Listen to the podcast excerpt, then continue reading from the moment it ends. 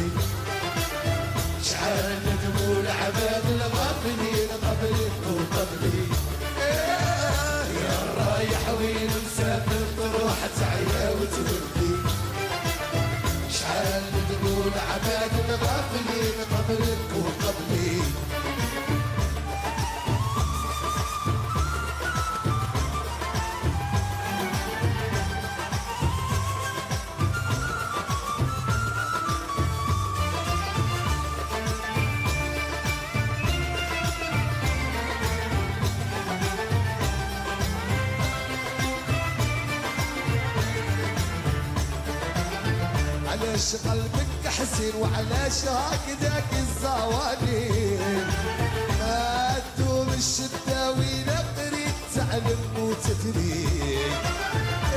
الله يبني بلاد الناس ضل تعيا ما تجري يا حليل ومسكين اللي غاب سعدوك صهري.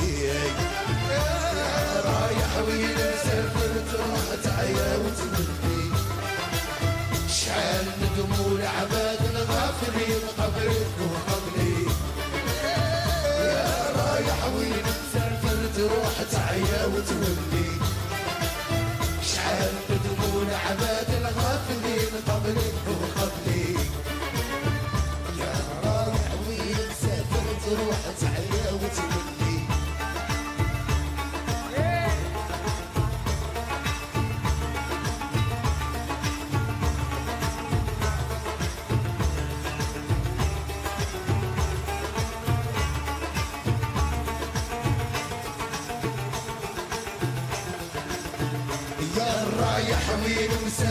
تروح تعيا وتولي. شعال ندموا العباد الغافلين قبلك وقبلي يا رايح وين مسافر تروح تعيا وتولي. شعال ندموا العباد الغافلين قبلك وقبلي يا رايح وين مسافر تروح تعيا وتولي. شعال ندموا قبلي قبل هو قبلي يا رايح وين مسافر تروح تعيا وتولي. شعار نكون عباد غافلي قبلي قبلي ياسين ياسين شكرا. En u luistert naar het van Albrecht Dijkman. Schrijfster van Radicalisme. Ehm, ja, en nou, je hebt afgelopen februari, althans toen is het uitgekomen, het boek. Ja. En ik zou bijna zeggen, wat ik al een beetje in de inleiding zei. eh, je hebt eigenlijk de tijd niet mee gelukkig. Er was geen recente aanslag. Er, eh, het staat niet heel hoog op de agenda. En eh, vond je dat misschien ook wel weer prettig bij het uitkomst van het boek? Ik kon me namelijk bij dit boek juist wel voorstellen dat je dat misschien wel lekker vond. Oh niet ja, nou het, het onderwerp eh, extremisme, terrorisme staat nog wel op de agenda. En het is ook gewoon springlevend in die zin. Eh, en je zei het al in het begin van het boek gaat vooral over islamitische radicalisering. Dat klopt niet. Het is een breed boek over het fenomeen radicalisering, maar vooral wat het betekent voor professionals. Ja, En er zitten relatief veel voorbeelden in van eh, islamitische radicalisering ja want anders blijf ik komt er ook wel een beetje in voor. Ja, dus dat zijn voorbeelden zeg maar, ter ondersteuning van wat speelt daar. Dus hoe kan je kijken naar dat fenomeen? Dat noem ik dan een wicked problem. Dus een, Ja. ja, zo'n ongestructureerd maatschappelijk probleem. eh, waar je eigenlijk niet weet waar begint het en waar eindigt het, wat moet je doen. Veel perspectieven, veel belangen. Ja. Eh, en dat is ook relevant voor professionals, want er zit eigenlijk een beheersvraag bij. Eh, terwijl je, ja, de, de echte beheersvraag is bijna onmogelijk om te doen. Dus niet, dat wil niet zeggen dat je er niks mee kunt doen. Nee. Maar de relativering dat er één oplossing is, ja, dat is een beetje een illusie. Dus daar heb ik eh, mijn aandacht op gevestigd. En wat dat betreft is zeg maar het verband wat je zei, hè, daar laten we het lekker niet even over corona hebben. Maar ja, corona is ook zo'n wicked problem. Eh, en daarin zie je ook dat zeg maar, in de structuur van die wicked problems, die, die eh, resoneren ook met elkaar. Dus op het moment dat er nu corona, zeg maar, hè, dus er is veel corona, maar er is, er is veel aandacht voor Ja. zie je dat dat dus ook resoneert met bijvoorbeeld een wicked problem als terrorisme. Namelijk bijvoorbeeld jongeren die thuis op hun kamer Ja. extra veel op het internet zitten, die misschien eh, daar dingen tegenkomen die eh, nou ja, eh, niet helemaal de goede kant uitgaan. Hè? Dus extremistische ideeën bijvoorbeeld. Daar is dan weer minder toezicht op bijvoorbeeld. Dus zo zie je zeg maar dat dat Maar dan heeft alles toch verband met elkaar. maar dit soort grote dingen hebben altijd verband met elkaar. Ja. Maar wat we doen, professioneel, is vaak dat we denken dat het verschillende dingen zijn. Dus dan maken we coronabeleid, we maken terrorismebeleid, we maken beleid op obesitas, we maken beleid op klimaat. Terwijl al die dingen eigenlijk, als je, hè, dus in, in de kern zijn dat structureel eh, wicked problems. Nee, want als ik jouw boek... la- Ik, ik had corona nog niet echt bijgehaald, eerlijk gezegd. Nee, dat hoeft niet. Dat doe ik voor je. Ja, inderdaad. Ik dacht, corona vind ik in die zin wel eenvoudiger. Ik bedoel, een, een- een virus kan zich muteren, maar dat is dan ook zo wel een beetje. En voor de rest is het dus... Ik bedoel, hoe je het economisch moet oplossen, is weer een Maar andere precies, vraag. maar dat is ook precies het punt. Maar omdat, de ziekte zelf, terwijl bij eh, ja, het iemand gaat, die, ja. eh, die inderdaad radicale idee erop na gaat houden, vind ik dat veel ingewikkelder dan, dan eh, je moet er een vaccin voor weten te vinden of je moet er goed medicijnen geven, zeg maar. Ja, maar dus wat je ziet als zeg maar, er zit altijd een fysiek component en een sociaal component bij zo'n Ja. beheersvraag. En eh, corona kan je zeggen, nou, de fysieke kant is zeg maar hoe het virus zich muteert, hè, hoe het Ja. zich manifesteert. Maar de sociale kant ervan is welke impact het heeft en onze maatregelen die weer impact hebben. En daarom maakt het ook zo ingewikkeld. Want Ja. het is niet zo dat als we nu een vaccin hebben dat opgelost is. Want dat virus, hè, virussen die zich dus verder verspreiden, dat is zeg maar eigenlijk het wicked problem. Dus het gaat niet om corona als s- side virus, zeg maar. N- nou ja, is, eh, eh, eh, ik, ik vergelijk het eerlijk gezegd, maar ik ga de virus ga ik oppakken en die mijn eigen vergelijk misschien later met muziek waarbij je moet zien mee te spelen. Wat, in- wat Ja, ook zich constant Precies, ontwikkelt. nou en dat, Dat- precies dat is heel mooi, want dat gaat over eigenlijk, eh, eh, eh, hoe zeg je dat? De dynamiek van complexiteit. Dus niet een soort van statische complexiteit waarbij je denkt, nou, dit is een ingewikkelde puzzel, maar als ik alle stukjes maar heb, dan heb ik het opgelost. Maar dat gaat over veranderende complexiteit. En dat is, ja, dat is prachtig met natuurlijk met muziek, want dat verandert ook, dat, Ja. dat heeft ook een bepaald ritme. Maar, maar, maar toch even terug, want eh, vind jij inderdaad radicalisme een soort virus? Nee, dat zeg ik ook helemaal Oké, niet. gelukkig. Nee, dat Nee. dat even. Nee, nee, zeker niet. Want dat, dat, nee, zeker niet. Wa- Waar ik het mee vergelijk is de structuur, eh, de, de kern, de structuur van, van zo'n wicked problem. Dus de structuur is dat er geen duidelijk begin en geen eind aan zit. Dat je niet zo snel weet wat je moet doen. Dat er heel veel verschillende perspectieven en belangen mee gemoeid zijn.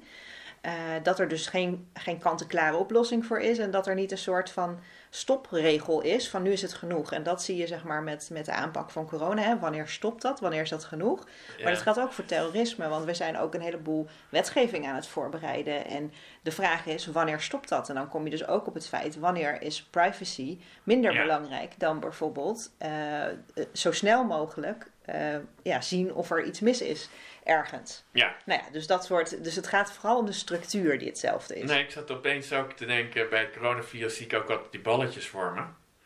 Waar allerlei invloed, ja, in die Ja. gekke dingetjes op dat balletje. Ja. En ik dacht inderdaad, een, een, een mogelijk iemand die radicaliseert, is misschien ook zo'n soort balletje waar allerlei Nou, waar het, ja, zitten. we- we- ja, dus ik zie het niet zo, zo fysiek voor me, maar waar, waar het over gaat, en dat klopt denk ik, is de context. En dat context zo ontzettend belangrijk is voor hoe iets mani zich manifesteert. En, dus dat heel, en dat probeer ik ook in mijn boek uit te leggen, dat hoe beter je leert werken met de context, ja, hoe meer kans je hebt om iets van betekenis te kunnen zijn. Maar als je die context over het hoofd ziet, ja, dan ben je sowieso aan het wijlen met de Ja, wat, wat, wat ik eh intrigerend ook aan jouw boek vond, waarbij ik het meest met rode oortjes, eerlijk gezegd, of rode oortjes, whatever. Eh, Spannend, het was spannend. Nou ja, waarbij ik het meest merkte van, oh, ik ga nu nog geconcentreerd lezen. Mhm. is het psychologische aspect dat je zo sterk meeneemt. Dat is ook natuurlijk waar je eigenlijk interesses in zitten. Mhm. Want in jouw boek heb je wel, heb je ook geprobeerd, je hebt eh, gezegd, eh, eigenlijk, althans als ik het eigenlijk corrigeer me alsjeblieft, eh, heel veel verschillende actoren erop eh, proberen te voeren, maar ook jezelf als actor, dat je dat Ja. niet moet vergeten. Klopt, en dat heb ik dus heel bewust gedaan. Ehm, om meerdere redenen. Eén reden was omdat ik dacht, ja, alleen droge definities oplepelen, ja, daar komt niemand van in beweging. En wat Ja. ik wil laten zien is dat we eigenlijk in beweging eh, moeten komen als het gaat om die professionaliseringsvraagstuk. Hè. Dus Ja. ik noem dat van pionieren naar professionaliseren.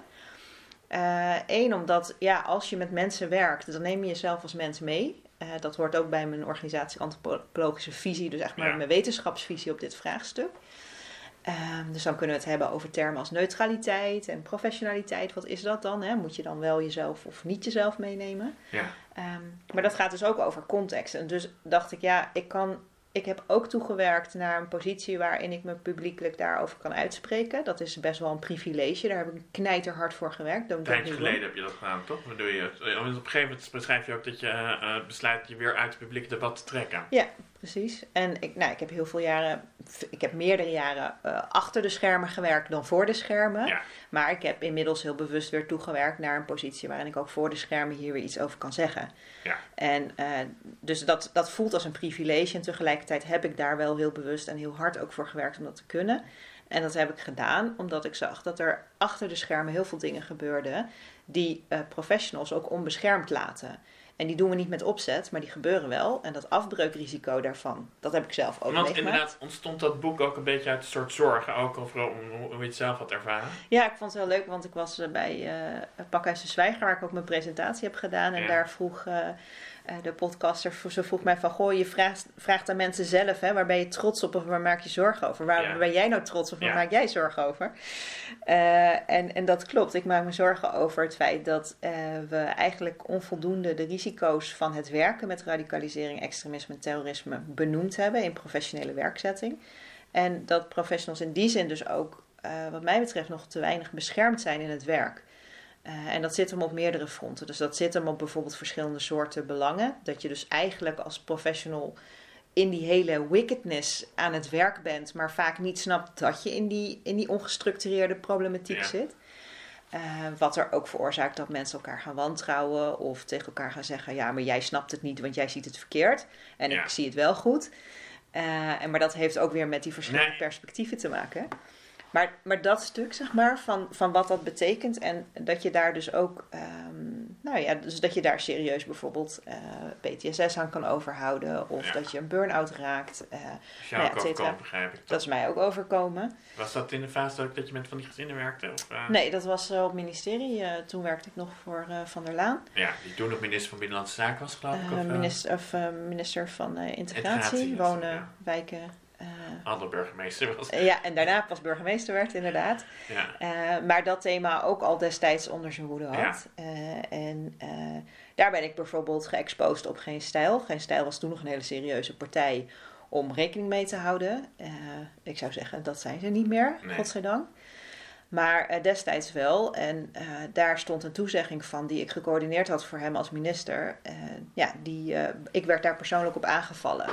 Eh, en daar werd mijn foto bij geplaatst. En nou ja, in, zeg maar, we zijn nu meer dan tien jaar verder. ja. Dus nu denk je, ja, maar dat gebeurt heel vaak. Mensen exposen of mensen... Maar dat was eigenlijk een beetje in de nieuw, begintijd. zoals het ook voor 11 Velgelaar vrij nieuw was toen. Ja. Precies. Ehm, dus dat heeft mij ontzettend geraakt. Ook omdat ik met een heel ingewikkeld veiligheidsdossier bezig was. En je hebt als ambtenaar altijd het recht om ehm, in de eh, an- ja, anonimiteit te werken. Omdat je dienstbaar bent aan het land waar je voor werkt. Ja. Dus je bent daar niet met naam en toenaam. Je bent daar in functie van ambtenaar.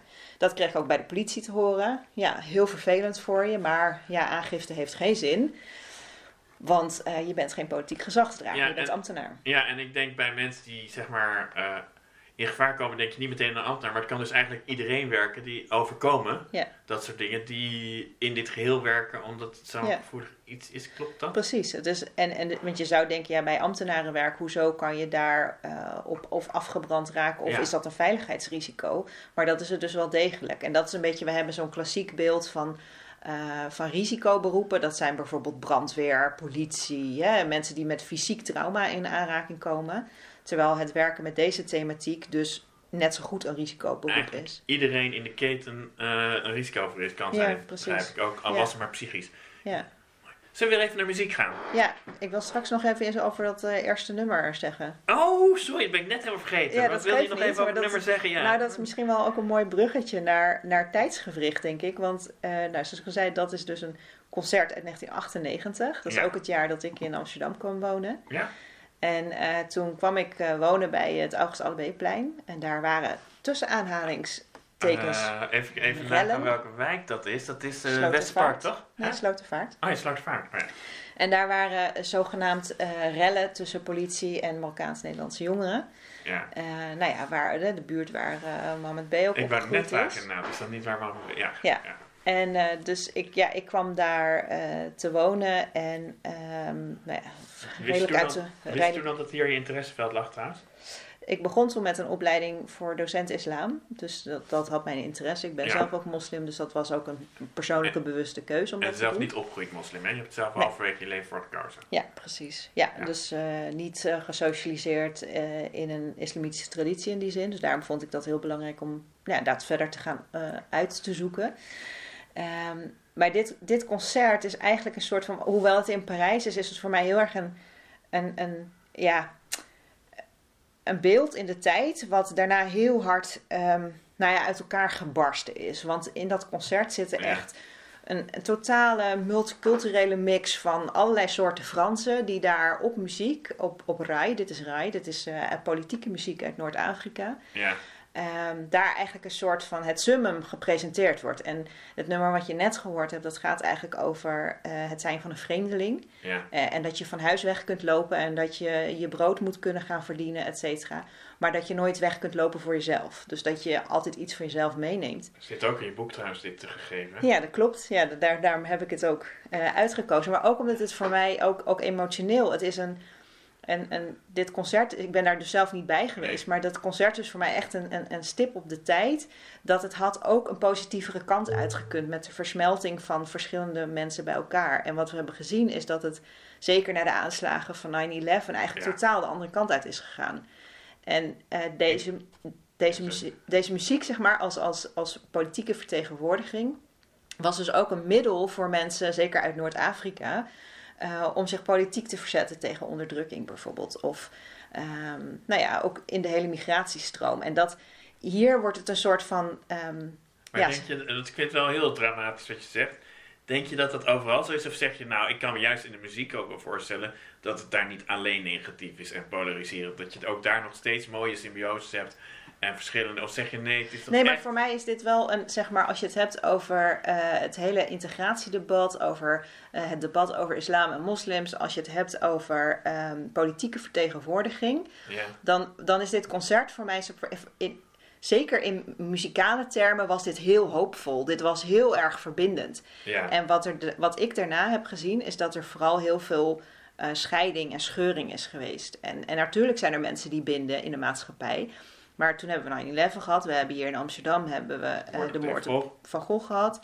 En dat was wel, dat heeft vijf jaar geduurd voordat het een beetje te doen weer was in deze stad. Dat heb ik als moslim heel erg gevoeld. Ja. En met mij heel veel mensen. Dus het, ik ben bijvoorbeeld naar de, naar de Dam geweest toen, eh, toen daar gesproken zou worden. De, de, de dag dat eh, Van Gogh vermoord werd. ja, Ik durfde daar niet meer naartoe. Ik heb daar met een groepje vrienden gestaan. ja. En wij durfden letterlijk niet meer naar de Dam. We waren daar gewoon, laten we zeggen, 100 meter verwijderd.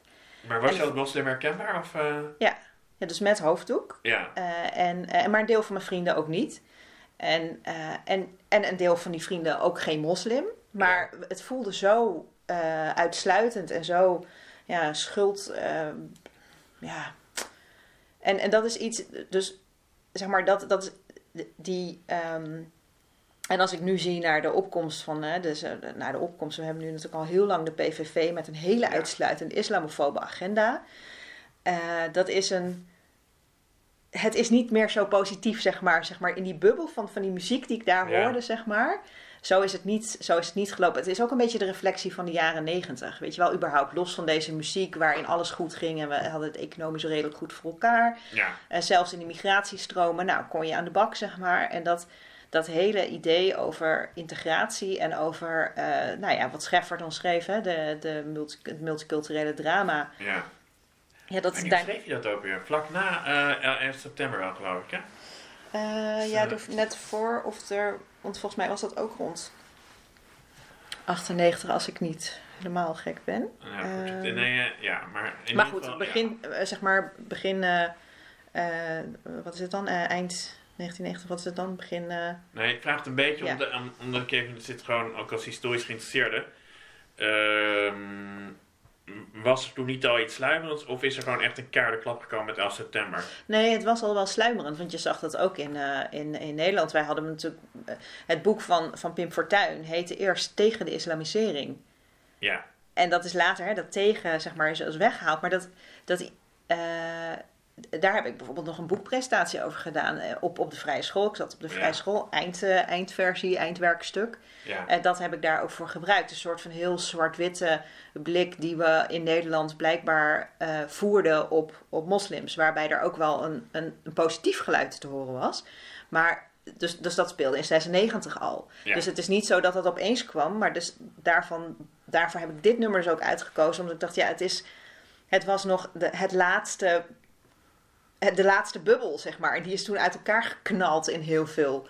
eh, heel veel, heel veel verschillende kleine bubbeltjes, zeg maar. En ook Ja. wel polarisatie. Ik bedoel, polarisatie van alle tijden hoor, daar niet van.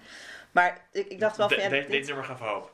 Eh, was toen, zeg maar, een heel... eh, eh, ja, viering van ontspannen. Je kunt zelfs ontspannen met zoveel verschillende soorten Fransen. Ook je politieke frustratie. Dit, ik bedoel, Rai is per definitie Ja. politieke muziek. En dat dat gewoon kan. En dat mensen daar helemaal uit hun dak gingen. En fantastisch. En, ehm, en iemand als Rashida, die, die leeft volgens mij niet meer. Maar die Ja. was, eh, volgens mij is die nog nooit ergens nuchter geweest. Maar dus het idee, weet je, dat... We hebben trouwens dat hij dronken was. Ja, dus dat ook, ook zeg maar, in, Maar nee, in die zin, nee, in die ja. zin weet je wel. En, en dat, ja, echt zo'n gemengd publiek. En dat, ja, dat, ja, dat, zou, dat, ja, dat voel ik nu niet meer zo, zeg maar. Dus ze- niet om te zeggen ja. dat, zij, niet, dat zij bedoeld hebben van wij moeten de hoop zijn. Helemaal niet. Het was een heel soort nee, van natuurlijk... vind je leuk, voel ik. Ja, het, het gaat niet. Ja, het was een fantastisch concert. Maar als je er dus, als je het kijkt, daarom heb ik het uitgekozen. Om, als je het kijkt in de tijd, zeg maar. Ja. En het is voor mij heel erg bepalend geweest, ook waar ik mijn carrière op gericht heb. Dan is dit voor mij echt een nummer wat, wat eh, de omslag. Nee, want ik vind De het wel omslag, grappig. Een eh. detail waar, waar ik dan toch een beetje blij blijf hangen. Als ik aan, aan de islam denk, denk ik aan een aantal dingen die niet mogen. Mhm. Waaronder drinken. En ik denk, oh ja, en je doet net dat die man altijd dronken was. En Maar denk dat bedoel hey, ik. Ja, maar dat dus bedoel dat, ik. dat Dus je elkaar hebben- accepteert ook als je dingen doet die je zelf niet zou doen. Ja, dus het is een soort van. eh, ja, veel meer een, een, de acceptatie van een, een, diverse beleving van mensen met misschien islamitische wortels, maar misschien ook wel helemaal niet. eh, die samenkomen voor liefde voor de muziek. Ik bedoel, in dat concert zelf wordt ook veel Frans gesproken, het, eh, het Arabisch. Dus in dat opzicht is het. eh, niet zozeer het summum van tolerantie, maar wel een soort van natuurlijke, bijna intersectionaliteit. Dat je gewoon accepteert dat, dat je, je kunt moslim zijn en drinken. Of je kunt moslim zijn en een hoofddoek dragen. Weet je wel? Of je kunt geen moslim zijn en sympathie hebben voor, voor een hoofddoek. Dus, en dat zeg maar, en, en dat zit nu veel, dat is veel gespannener. Ja. Ja. Tijd voor andere muziek. ja. Of, even kijken, wat gaan we nu? Wil je het introduceren? Of, ehm, Eh, ja, ik wilde eh, ja, dan maar over naar, eh, naar de liefde. Oh ja. Ik wilde Jolene eh, draaien. Oh, gewoon Jolie van Dolly Parton. Ja, precies. Helemaal ik zal hem even eh, zoeken. Ja, dan wel eh, oh, de, de originele natuurlijk.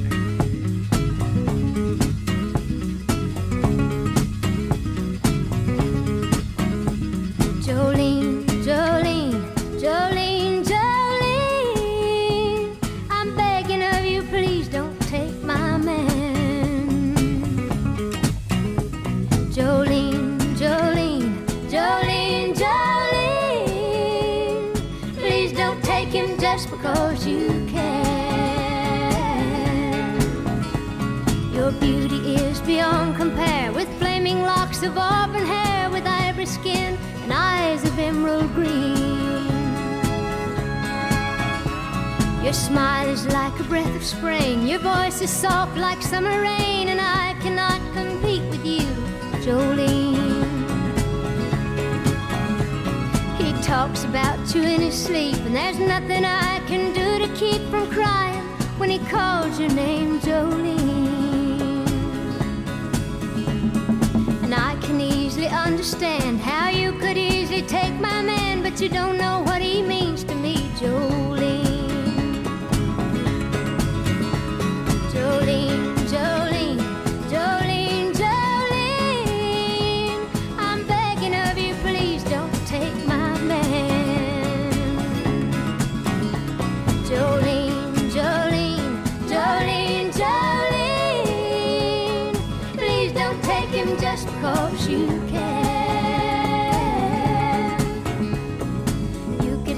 Choice of men, but I could never love again. He's the only one for me, Jolene.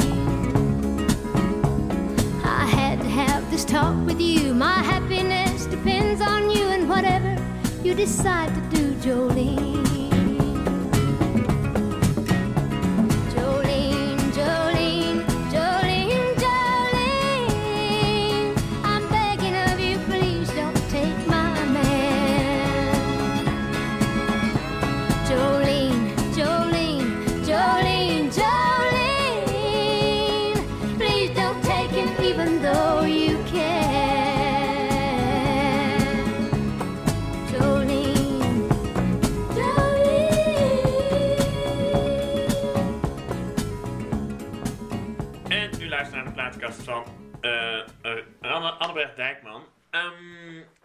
we hebben net geluisterd naar Jolene. Wat is daar een speciale reden voor om dat nummer te willen hebben? Horen? Eh, ja, ik bedoel, veel, liefde, of, eh, veel muziek gaat natuurlijk over de liefde. Dat kan Ja. ook niet anders. En ik dacht, eh, ja, dit is voor mij ook een nummer wat heel erg over mijn jeugd gaat. Wat gewoon, hoewel het niet uit de jaren tachtig komt, En niet gewoon... heel ver voor, toch? nee, maar het is, het, het is heel erg voor mij jaren tachtig. Ja, Eh, en het gaat ook, wat mij betreft, heel erg over patronen en het gevoel dat je, dat je iets kunt verliezen. En in dit geval zing ik natuurlijk over, ik, ik verlies mijn liefde zeg maar aan jou. eh, want Ja. jij kunt dat, en maar doe het niet omdat je kan, zeg maar. Eh, dat het daar ook over gaat. Dat je soms kunt denken dat, je, dat, een, dat een ander iets voor je wegneemt. Dat jij niet goed genoeg bent of dat je... ehm, ja, de angst dat, dat dat wat jij echt heel graag wil, zeg maar, dat dat door een ander genomen wordt. En dat gaat denk ik ook over, eh, over patronen en over hoe families in elkaar zitten. En ehm, ja, het is, het is gewoon echt ook echt een, een, een, een nummer uit mijn jeugd. En wij hadden bijvoorbeeld een buurmeisje wat tegenover ons woonde, die heette Jolien. oh ja. Eh, dus eh, zij, zij zou ging... ook wel last hebben van Ja, nou, ze- maar ze was een prachtig klein meisje. Ze was een jaar of vijf en ik was denk ik een jaar of negen of, of tien of zo. En eh, we gingen dan samen met mijn moeder naar, eh, eh, naar het strand. En zij is daar een keertje weggelopen. Natuurlijk totale paniek. Want Jolien was kwijt, zeg maar. Ja. En dus ja, dit nummer is voor mij gewoon... Ja, als ik dat hoor, dan is het gewoon... ja, dan ben ik gewoon weer terug in de jaren tachtig gewoon. Oh ja, je bent even terug in, in, in je kindertijd beland. Ja, ja. Nou ja, want wat je... Ik ga me ook weer oppakken natuurlijk voor het boek dat je geschreven hebt. Ehm, de angst voor dingen te verliezen. ja. Want, nou ja, wat ik, ik, eh, de beroepsgroep die me toch het meest bijblijft eh, in jouw boek, je hebt het zelf ook gedaan, dat werk, is dat je direct met families te maken hebt. Ja, klopt. Eh, eh, je- ik denk dat je dat kan voorstellen dat je, als je dat boek leest, dat, dat je dan toch ook.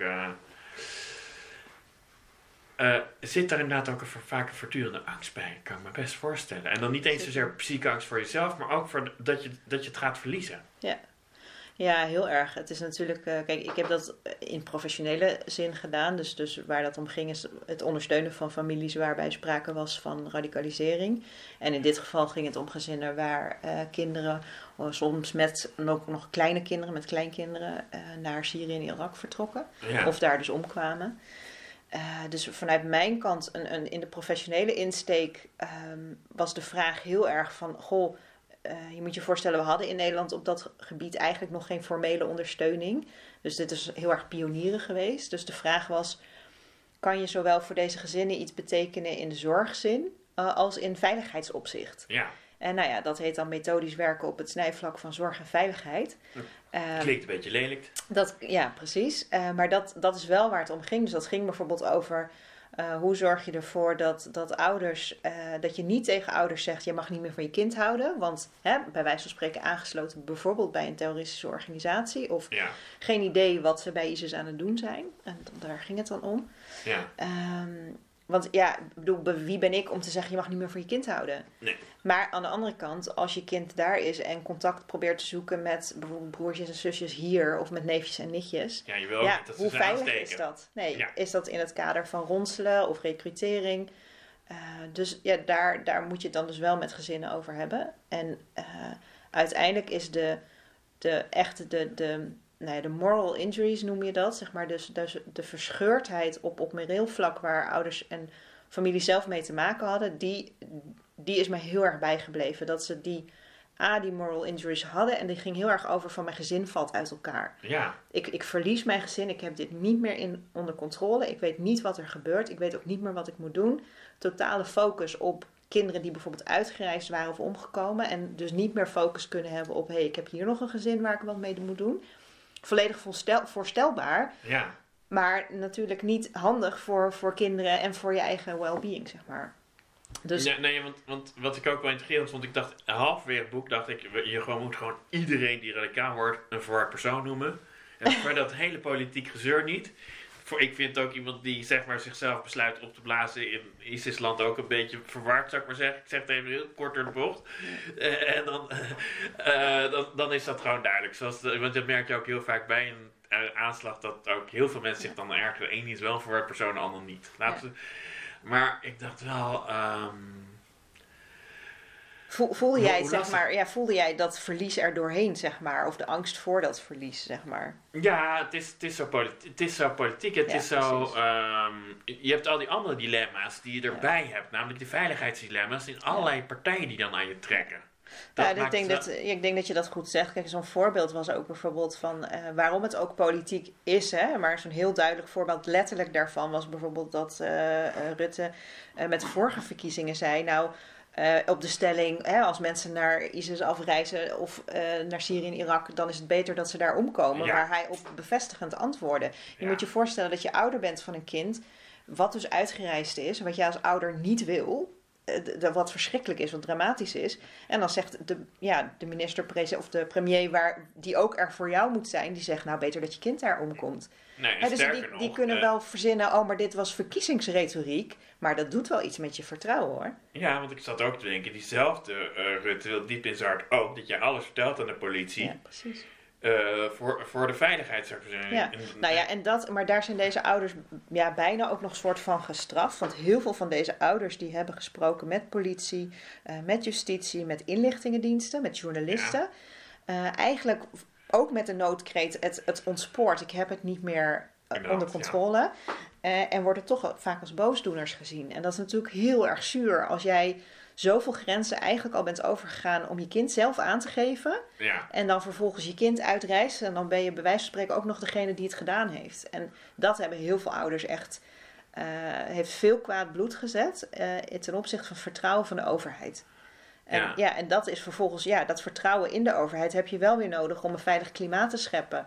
En dat is precies, zeg maar, dus als je aan de ene kant wil dat mensen eh, overheidsinstanties vertrouwen, eh, maar aan de andere kant, zeg maar, dit soort uitspraken doen, wat natuurlijk politiek is, ja, dan, dan, dan zorg je er dus voor dat dat vertrouwen ook weggaat, zeg maar. Dus, en dat is natuurlijk niet het enige voorbeeld, maar dat is wel, Ja. denk ik, waar je goed heel duidelijk kunt zien dat het een heel normatief vraagstuk is. Dus waar het heel erg gaat over. Eh, dus niet alleen als het gaat over de ideologische vorming richting radicalisering of, of terrorisme. Maar dus ook een, normatief vraagstuk in de zin: wat vinden wij daarvan als samenleving? Wat vinden wij als politiek van? Dus het is een heel politiek onderwerp, wat het voor professionals ook heel erg ingewikkeld maakt. moeten we niet ook moeten proberen... dat- Vandaar ook mijn oplossing dat ik dacht, Ja. moet iedereen een verward persoon, dan maak je het minder politiek. Ja, Is- nou, dat, Of zeg je van, dat is onmogelijk. Nou, ik denk dat het, eh, dat het primaat nu inderdaad heel erg bij de politiek ligt. Eh, en ik denk dat er niet een, een, een, een, een, een co-primaat naast moet zijn. En dat is namelijk de agendering van het professionele veld zelf. Dus dat gaat over al die instanties eh, die daarover gaan. Eh, dat dat, en sommige zijn natuurlijk, nou ja, zijn ook verbonden met de uitvoering van een, een, bijvoorbeeld een coalitiebeleid of wat dan ook. ja, Uh, maar het onderwijs en die, eh, de, de professionele organisaties zelf zouden veel meer kunnen doen aan de eigen agendering. Wat betekent dit onderwerp voor onze eigen agenda? Omdat je daarmee veel minder afhankelijk wordt van het politieke primaat. Want in de politiek wordt ook beslist waar de middelen naartoe gaan. En eh, als jij zegt als onderwijsorganisatie, ik vind het belangrijk dat mijn professionals ook gevormd worden op dit thema, of daar iets mee kunnen, Ja. los van of het nu wel of niet besproken wordt in de politiek, ja, dan, dan blijf je bij de maatschappelijke ontwikkeling. En dat, dat is denk ik heel erg belangrijk. Dat, dat noem ik dus ook eigenlijk meer dat professionaliseren. Dat je de agenda-setting dus inderdaad meer naar het professionele veld trekt.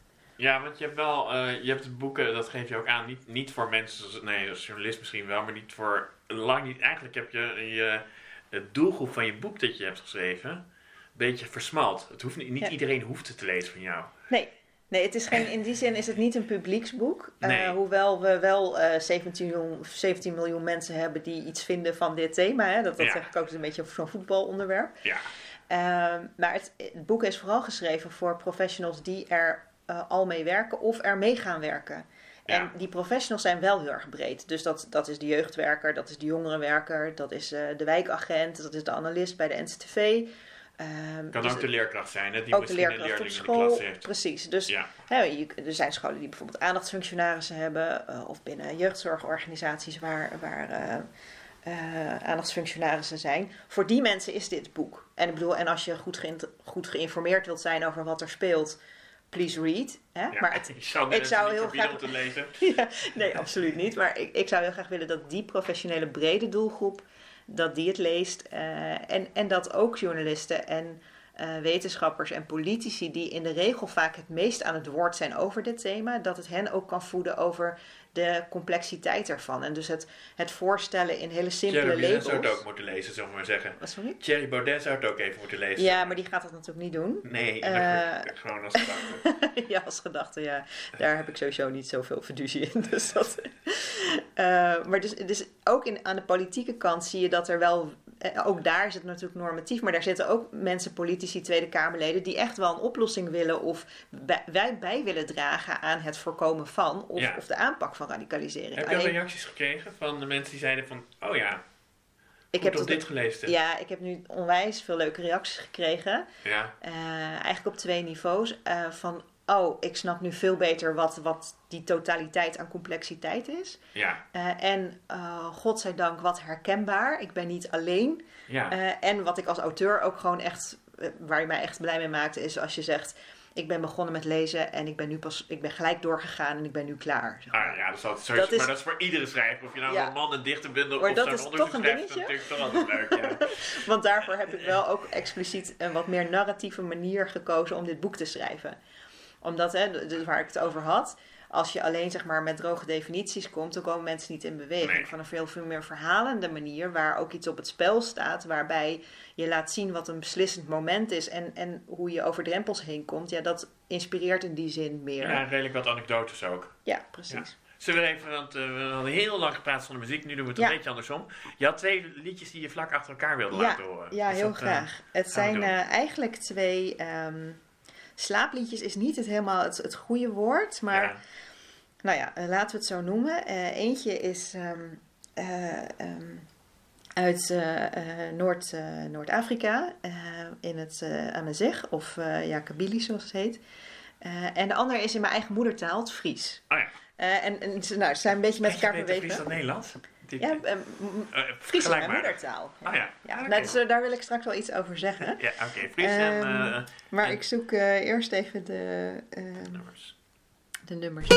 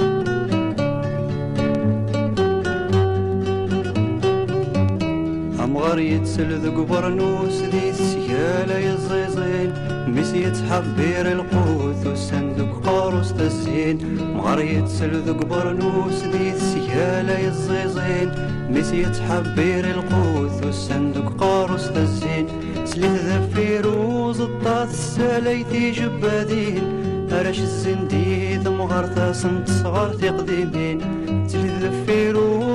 السلايتي جبادين أرش الزنديد مغرثة سنت صغر في قديمين يا لا لا يا لا لا لا أرش الزنديد مغارث يا لا لا يا لا لا لا سنت صغر في قديمين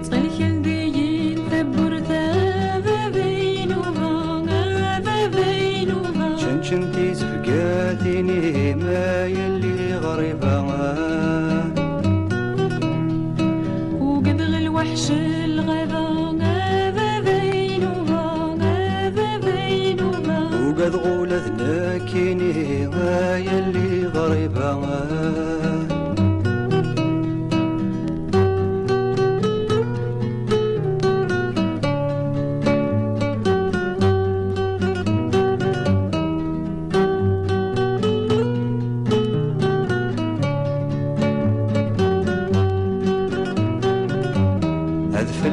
تود ثبورا ثوقي شمن حلولا تجمعت تسرقو ثفسو ثقور ذيدرا حجبا أثفلي السود ثبورا ثوقي شمن حلولا تجمعت تسرقو ثفسو ثقور ذيدرا حجبا مذق جمورا تسفتي ذكرى كيني ذنيان ملال داك واث وخامث ما شاهو تاذسلان طلق جمورا انت سفتي دقراكيني ذنيال بلال داكوات وخا مث ما شاهو تاد سلال. يا لا لا يا لا لا لا. بلال داكوات وخا. يا لا لا يا لا لا لا. إذ ما شاهو تاد سلال.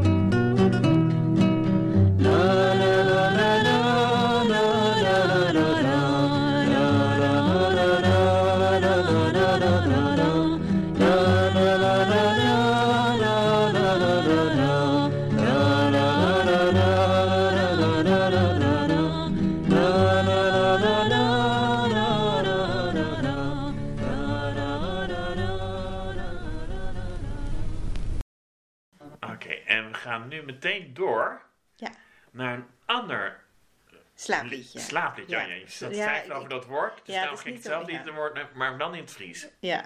Welke taal was dit, zei je? Dit was uh, Kabylisch. Dit is eh, eigenlijk Tamazicht uit eh, Noord-Marokko of eh, Noord-Afrika. Ja. eh, van Idir. En, Oh ja. eh, en wat we nu krijgen is van Nienke Laverman. Oh ja. Dat is in het Fries en dat heet eh Saberelongen.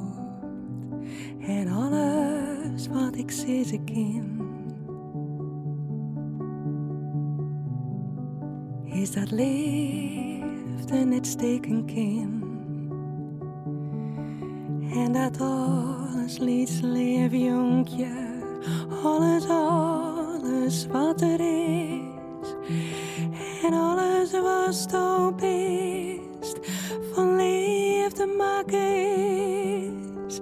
En alles,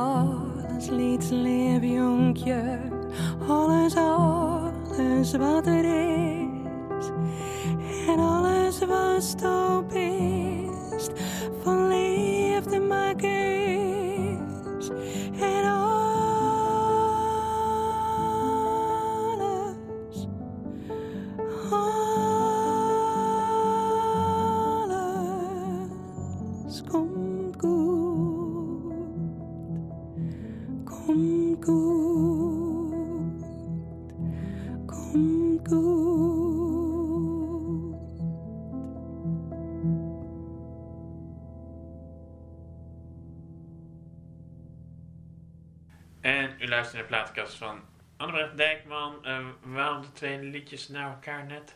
Ja, dat is het eerste nummer was van Idir en het tweede nummer van Nienke Laverman. En eh, het, het laatste nummer was in het Fries, dat is mijn moedertaal, dat is mijn Ja. moedertaal. Eh, en het is voor mij mijn meest emotionele taal, terwijl ik het Nederlands technisch gezien veel beter beheers. Ja, Ehm, maar ik mis daarin dat ik het, ik kan het lezen, maar ik kan bijvoorbeeld niet schrijven. En eh, dit was een beetje een wiegeliedje, dat is Ja. misschien een beter woord. En dat was het, het nummer van Idir ook. ja, En eh, dat is ook een taal die, nou ja, die inmiddels wel een schrift heeft, maar vaak oraal wordt overgedragen. Eh, dus in de verschillende vormen van het Berbers. En ik moet er altijd aan denken, omdat ik denk. ehm, eh, Berberse volken, dus dat is zeg maar Emmenzicht, of verschillende vormen daarvan, lijken een beetje op Friese. oh. Enorm koppig. Ja. Eh, oh, en met oh een hele eigen ja, traditie en cultuur. Ehm, maar waarbij er ook de angst is dat je of overheerst wordt of dat je het verliest, zeg maar. Want er zijn ook in Friesland, nou ja, er zijn geloof ik nog 400.000 mensen die Fries spreken. Ja. Ik ben zelf Friestalig, maar ik heb geen kinderen, dus ik ga mijn Friese taal niet doorgeven. Nee, vind je het jammer? Ja, dat vind ik heel jammer. En ik, ik merk ook dat, dat zeg maar, de, de mensen in mijn omgeving, dus de mensen met wie ik nog Fries zou kunnen spreken, mijn zusje en mijn moeder, die doen dat dus niet meer. Oh ja. Dus eh, het wordt bijna een verstilde taal voor mij. Terwijl, eh, hoewel ik dus het, het Nederlands veel technisch veel Ja. beter kan, eh, is het wel mijn emotietaal. Ja. En, en die kan ik dus eigenlijk niet uiten. Dus zeg maar zo'n liedje van, van Nienke Laverman. Ja, ik vind het prachtig. Ze zingt dan bijvoorbeeld Lea Vliet Jonkje, dus een lief klein jongetje. Ehm, ja, wees gerust een soort van, je bent gemaakt uit liefde. Alles is liefde in die zin. Maar je hoeft En- niet alles te begrijpen toch om er toch geborgenheid uit te kunnen houden. Nee, zeker niet. Maar dat is dus, zeg maar, de woorden die zij gebruikt in die Friese taal, die komen bij mij dus op een ander niveau binnen dan als je het in het Nederlands zou Ja. doen. En dat is bijna niet uit te leggen. En ik denk dat voor heel veel bijvoorbeeld Marokkaanse Nederlanders hier in, in Nederland, waar vaak het, het, het, het, het, me zegt, zeg maar, eerste taal is en niet het Arabisch, eh, dat je dat dat, dat je dat dus vaak of gebrekkig spreekt met je ouders, maar dus ook niet kunt schrijven. En dus in die zin misschien technisch veel minder beheerst, maar wat emotioneel een enorm belangrijke wortel is. En eh, ja, daar zag ik enorme overeenkomsten in, maar ook omdat dit nou ja, beide liedjes zijn over. Heb je daar tijdens je werk ook wel over gehad? trouwens? Als je met die familie sprak over dat soort dingen. Eh, ja, zijdelings als, dat voor, ja, als het voorbij komt, zeg maar. het maar wel een soort uh, overeenkomst. Ja. Ja, maar het gaat ook over ontworteling en over eh, wat ik net zei. Ik bedoel, al die nummers die raken ook wel aan elkaar als het gaat over ja, je bent hier denk ik in dit leven altijd als een soort van vreemdeling. Ja. Ja, en waar wortel je dan? En, en, en waar je je wortelt of hoe je je wilt wortelen, dat is ook politiek. En dus dat, dat is direct met elkaar verbonden, zeg maar. Want we hebben echt nog maar heel weinig tijd. De Ja. laatste wil ik ook nog kans geven. Wel nog even de, de zogeheten boodschappen. Ja. Als ze denken, jouw boek vind ik interessant. Hoe heet het en hoe kunnen ze het bestellen? Het heet eh, De Radicaliseringsindustrie, van pionieren naar professionaliseren. En het is eh, te krijgen van... Verschillende manieren. Zoek het op. Annabret Precies. Dijkman. Steun je lokale boekhandel, Ja. vooral. Ja, als je het hard... Ja, zeker. En eh, waar gaan we mee eindigen? We gaan eindigen met Heb het leven lief van Lisbeth List. Dat is mijn corona-lijflied. En dat gun ik iedereen om dat nog een keer te horen. Oh, Niet natuurlijk dat ik je hartelijk bedankt voor je komst. En aan te kondigen dat over twee weken te gast komt waarschijnlijk mevrouw Klas de Kruk, maar dat is helemaal niet zeker. Dus sowieso een interessant iemand. Dat is waar. Liefde en herken de open blik in de ogen van een vreemde. Dans met de maan, sla je armen om de sterren, ga je dromen achterna. Op de maand van de seizoenen, heb het leven lief. Als de stormwind gromt en als de lente komt en verberg je niet. Als de regen valt en als de donder knalt, zing het hoogste lied. Vlieg in vogelvlucht door de blauwe lucht, heb het leven lief en wees niet bang.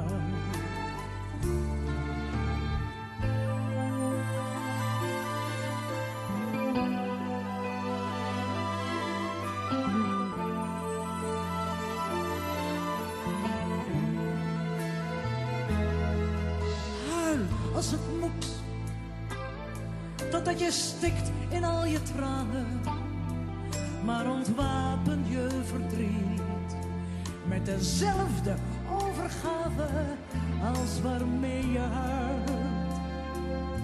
Je kunt uit je as en het geluk van het moment.